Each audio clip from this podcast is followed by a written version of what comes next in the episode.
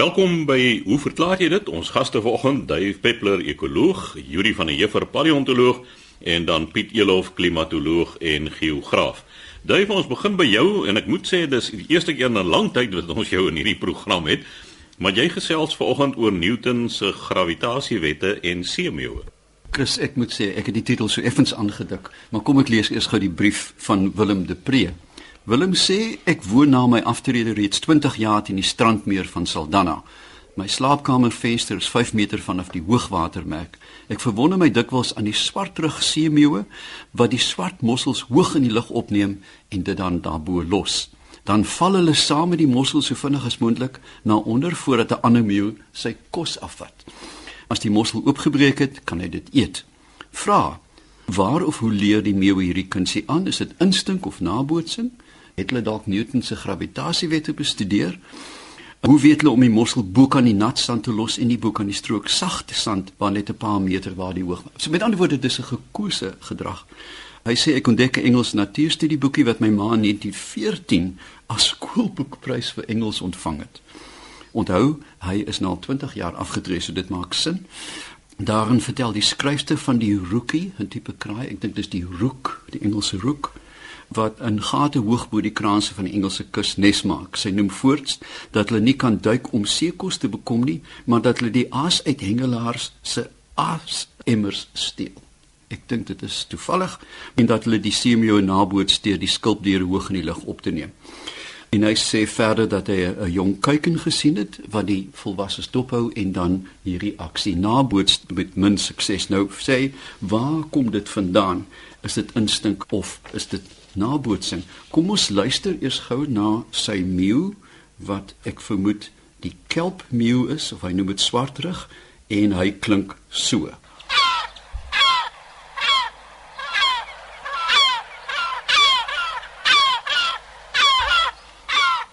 Hierdie meeuwe is gebonde aan die kus in groot mate, maar deesdae met baie wateroppervlakte kry mens hulle soms so 100 km van die kus af.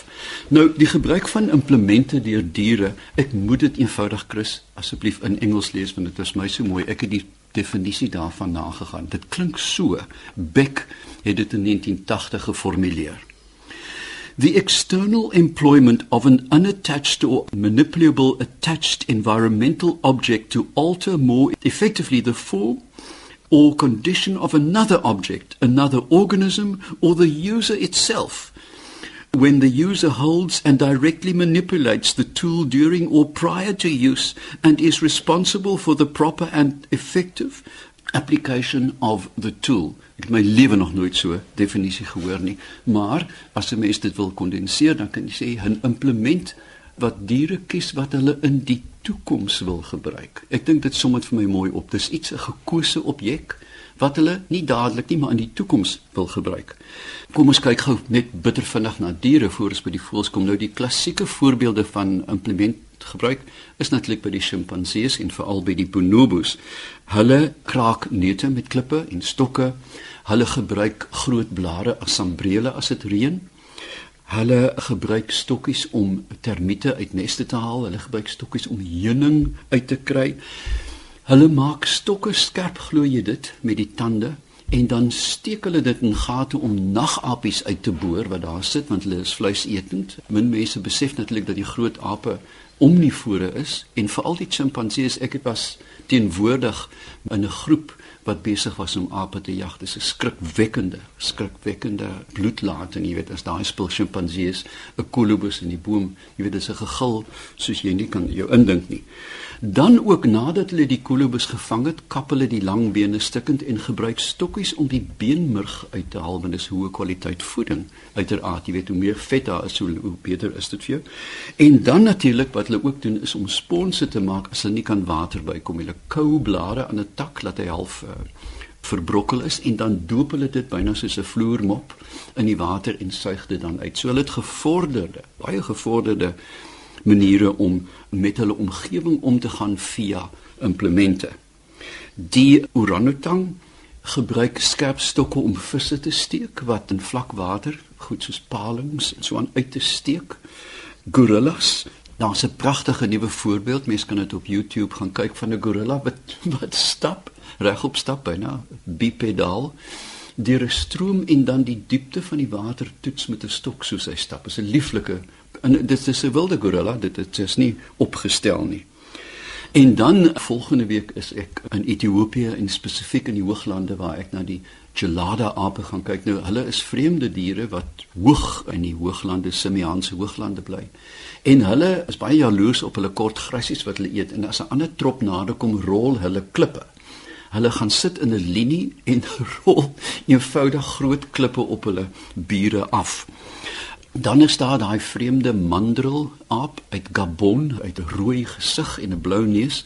Hulle haal was uit die ore met stokkies en maak hulle toenails met stokkies skoon. Ek is ernstig. Jy weet hulle is sintelike diere. So, ek weet skoon toenails en mooi skoon ore. Ek meen as jy so lyk, behoort jy om eintlik iets te doen daaraan. En dan is daar ander klassieke voorbeelde so seeotters wat op hulle rug swem, uh, 'n uh, klippie op die bors sit en dan 'n mossel op sy bors stukken slaan en dit dan so al drywende eet.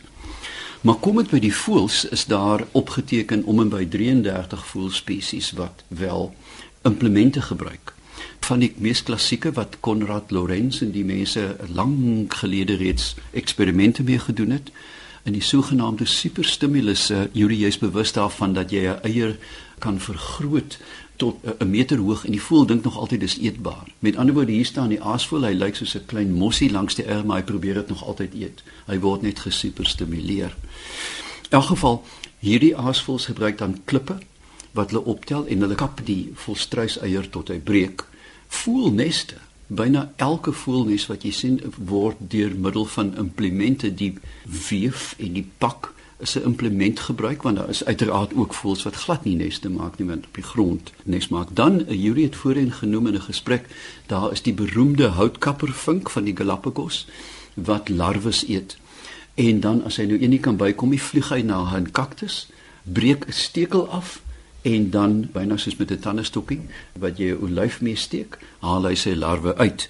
Dan kraaie uiteraard. Kraaie is beroemde gebruikers my vriend, die beroemde voelkundige Rob Martin was onlangs teen die kus en daar sit 'n kraai met pleit oë na hom en kyk terwyl hy een of ander vreemde hoenderdis byna in 'n pannekoek Charlie toegemaak. Hulle noem dit 'n wrap. En die kraai sit daar en hy sê die kraai lyk so honger en hy skeer 'n stukkie af so 5 of 6 vierkante sentimeter vierkantig en hy gooi dit vir die kraai en die kraai kyk hom so half vies aan en gaan en vou dit twee maal in 'n netjiese pakkie en toe vlieg hy weg want as hy met hierdie groot doek gevlieg het sou hy heel moontlik aerodinamies onstabiel gewees het. Dit wys jou hoe slim daai diere is. Hy het hom netjies gevou.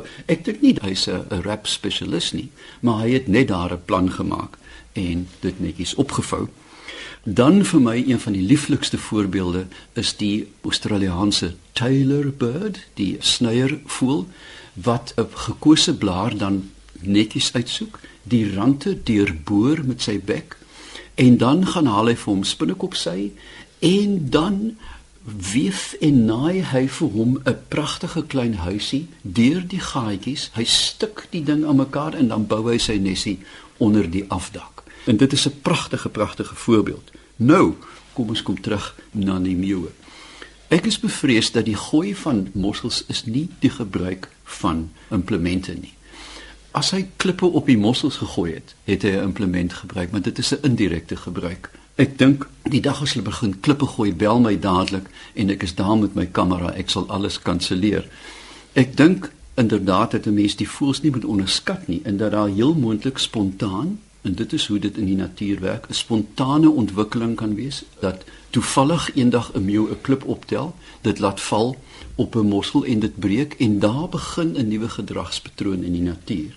En 'n mens kan byna voorspel soos met evolusie daar's twee kanse dat dit sal aangeleer word hulle slim diere bure sal dit sien of dit sal uitsterf maar dan heel moontlik weer ontwikkel oor en oor word hierdie gedragspatrone in die natuur ontwikkel. Sommige sterf uit, maar ander is so kragtig.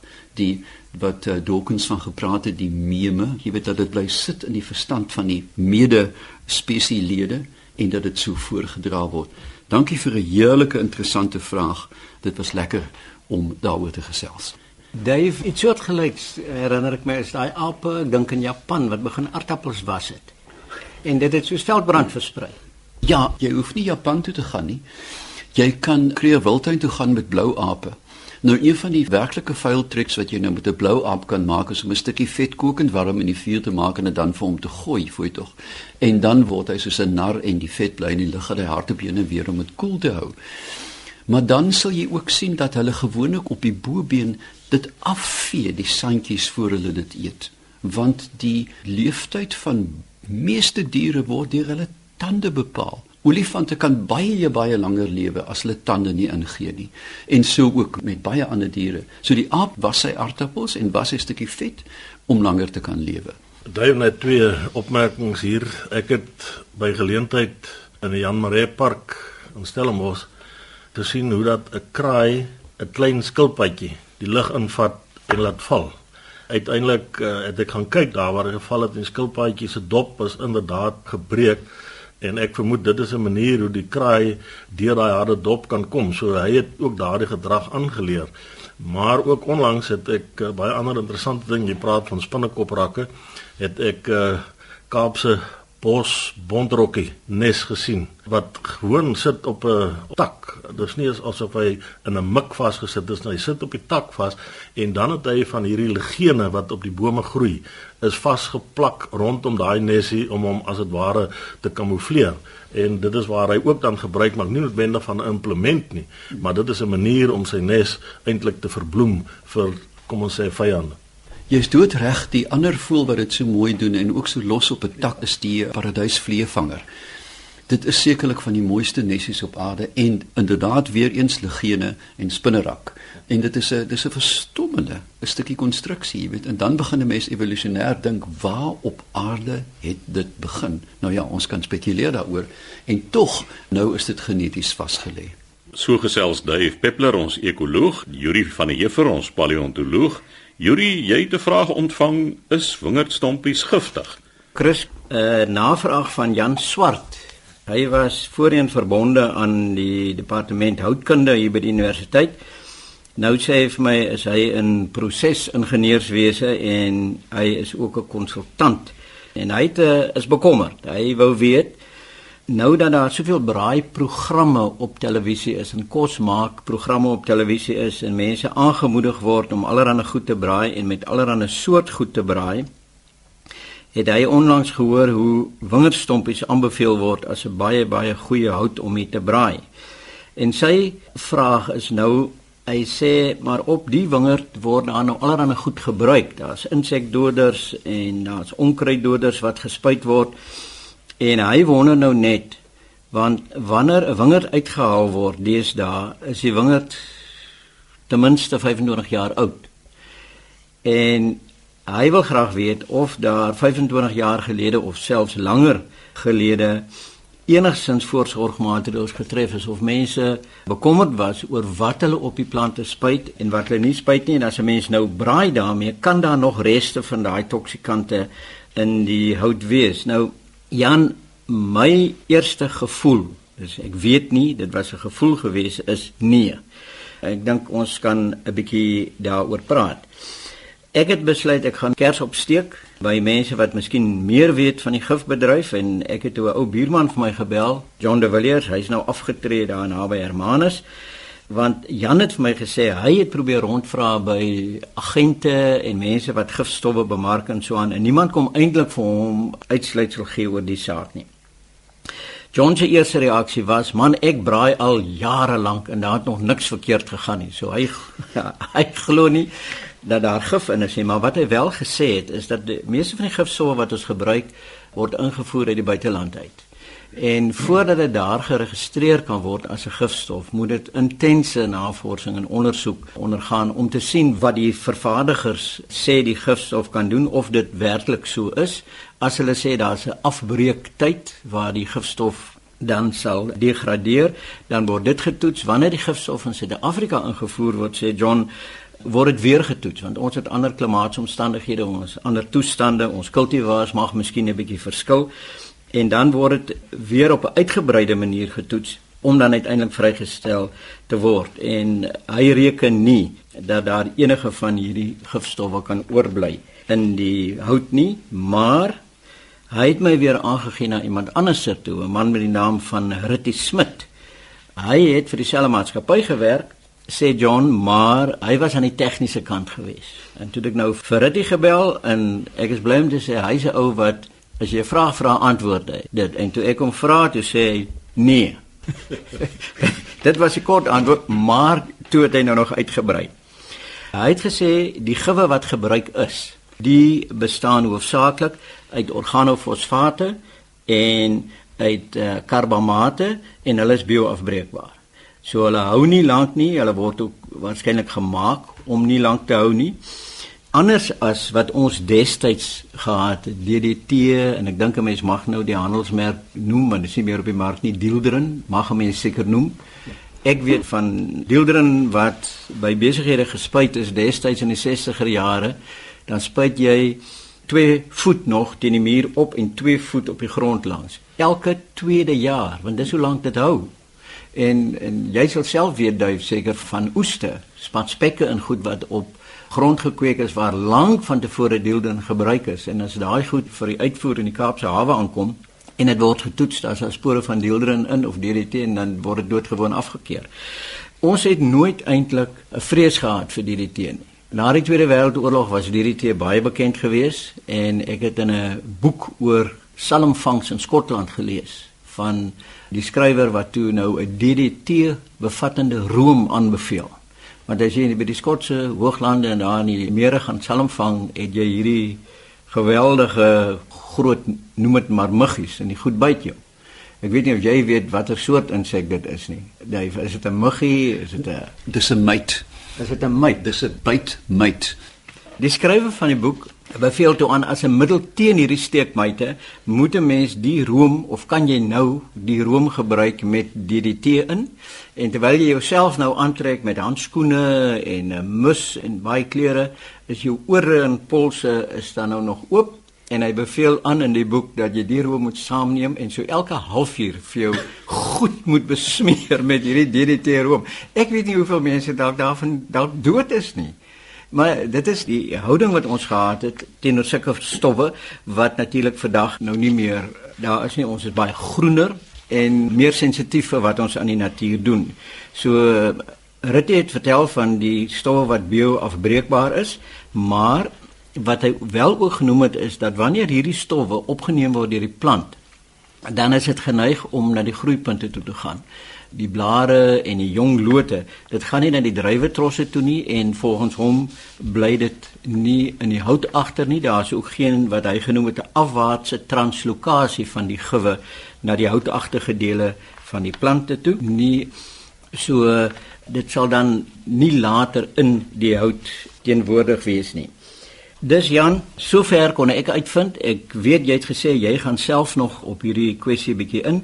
Die inligting wat ek op hierdie manier kon ingewin het, lyk vir my dis veilig om met wingerdstompies wat uitgehaal is en goed droog is te braai. Ons sal onsself nie vergiftig nie. Uh, Yuri, jy het nou gepraat van DDT en ek dink uh, Dave sal waarskynlik hier vir ons kan meer lig werp daarop. Uh, ek het ook gelees dat die manne wat so met die valke jag vir al die Arabiere wat lief is daarvoor by tye 'n gebrek of laat ek so sê daar hulle min valke gekry waarmee hulle kon jag en dat die uiteinde van die storie is die ketting is terug nagespeur tot juis deur die tee wat wurms dan nou sou doodmaak en voeltjies wat die wurms eet en dan akkumuleer dit in die liggame en dan lê daai voels om uiteindelik die valke wat die voels vang lê hulle eiers met sagte doppe en dus broei hulle nie uit nie. So daar het eintlik 'n tekort ontstaan aan hierdie voëls wat die Arabiere gebruik om mee te jag. Die eerste boek vir die eerste skrywer wat dit werklik in die lig gestel het was Rachel Carson se Silent Spring. Sy het die hele DDT dilemma oopgekloof.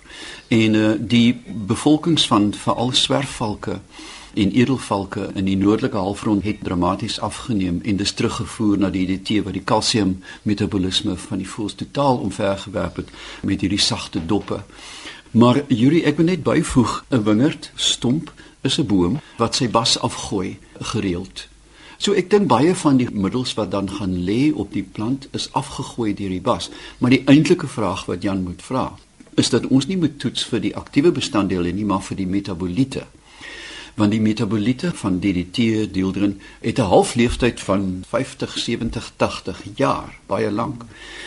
En waar mens daarvoor gaan soek vir die middels is natuurlik in die liggaamsvet van mense wat baie braai want daar gaan die metaboliete sit en dit is juist die gevaar dat jou vriend gesê hy braai al hoe lank al en hy kom niks oor nie. Wag tot hy dramaties gewig verloor en die metaboliete vrygestel word. En dan slaan hulle jou met ander woorde daar is sekere mense wat hulle liggaamsgewig maar moet behou moenie op 'n dieet gaan nie want jy los dalk 'n hele spul nare goed in jou bloed so ek dink Jan moet 'n bietjie kyk na metaboliete Ek dink jy is heeltemal reg, Dave. Wat ek net daar nog kan byvoeg is uh, ons weet nie wat met daai metaboliete gebeur as jy die stompe in die vuur gooi nie. Want die kanse is redelik goed dat teen die tyd wat jy rooi kole oor het, dan het jy ontslaag geraak van omtrent al die komponente, die chemiese komponente behalwe miskien die houtskool in die hout. Maar dit is iets om aan te dink. So sê Yuri van der Heever ons paleontoloog, laaste aan die woord Piet Elof, klimatoloog. Piet, Kan dit paddas reën? Dankie Chris. Ek het 'n uh, brief ontvang van Teens daar van Kimberley af. Hy sê hy lees van 'n geval waar dit paddas gereën het. Nou die vraag wat hy vra is dit moontlik en hoe? Nou Teens ek kan vir jou baie kort antwoord gee en net sê ja. Maar ek het in 1999 lees ek 'n artikel in 'n tydskrif waarin die volgende aangeteken is, naamlik dat in Engeland in Augustus 1944 val daar paddas uit die reënby uit. In Oktober 87 val daar pinkpaddas uit die lug uit. Dit blyk toe dat hierdie paddas is 'n tipe albino padda wat in Noord-Afrika en in Suid-Spanje voorkom. Nou val hulle uit die lug uit in Engeland. Die vermoede is dat daardie paddas op een of ander manier in die lug beland het. Ons kan net nou kommentaar lewer daaroor en dat dit in bolig lugstrome vervoer is en uiteindelik dan nou uitgesak het of geval het daar in Engeland. Krappe en ander strandspesies, ek ken hulle as periwinkels, val uit die lug uit in Engeland.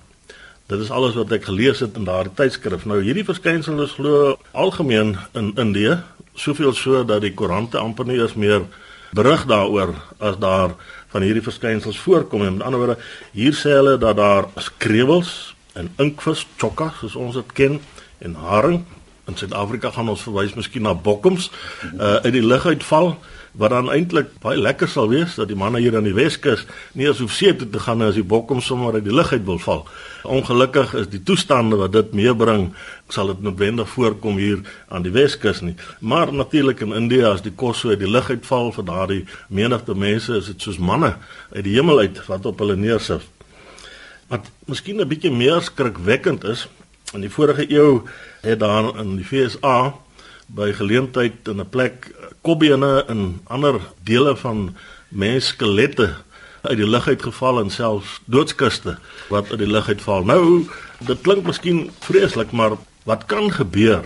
En ek vermoed dit is elke keer die oorsaak van hierdie verskynsels is natuurlik ons tornado's. Nou ons het al by vorige programme gesels oor die verskille tussen tornado's en orkane of tropiese siklone. Die omvang van die goed is van die tropiese siklone is groter ons wat gesels oor waar hulle voorkom, maar die tornado weet ons is 'n absolute verwoestende storm. 'n uh, Laagdrukstelsel met baie groot, kom ons sê, ligdruk gradiënt, met ander woorde groot verskille, baie sterk winde en ons sien die paaie wat hulle verwoestende paaie wat hulle veroorsaak in die FSA waar hulle voorkom. Natuurlik, daar is geleenthede aangeteken waar so 'n tornado 'n hele trein trok vir amper 80 meter opgetel en neergegooi het. Ons weet dat die Amerikaners baie lief daarvoor om hulle huis te bou met 'n kelderverdieping. En as daar so 'n tornado aan die kom is of hulle ontruim betyds of hulle duik onder die grond in nie net kop onder die grond soos 'n volstruis nie, maar die sand nie, maar hulle hulle is absoluut ondergrond juis om hierdie verwoesting te voorkom. Nou daardie suigkrag wat eintlik ontwikkel by so 'n tornado. Dit is eintlik die ding wat ek vermoed wat selfs 'n dam kan leegsuig, 'n klein dammetjie poele waarin daar paddas is, waarin daar visse is, die kan hy absoluut droogsuig. En dan in die bolig natuurlik waar ons dan divergensie het, die wind waai uit en weg en daai boorligstrome kan daardie voorwerpe redelik ver vervoer. Ek praat nou nie van 'n treintrok so ver nie, maar in elk geval goed soos paddas en visse en krewels op die sand, die kan hulle maklik dan opsuig en vervoer.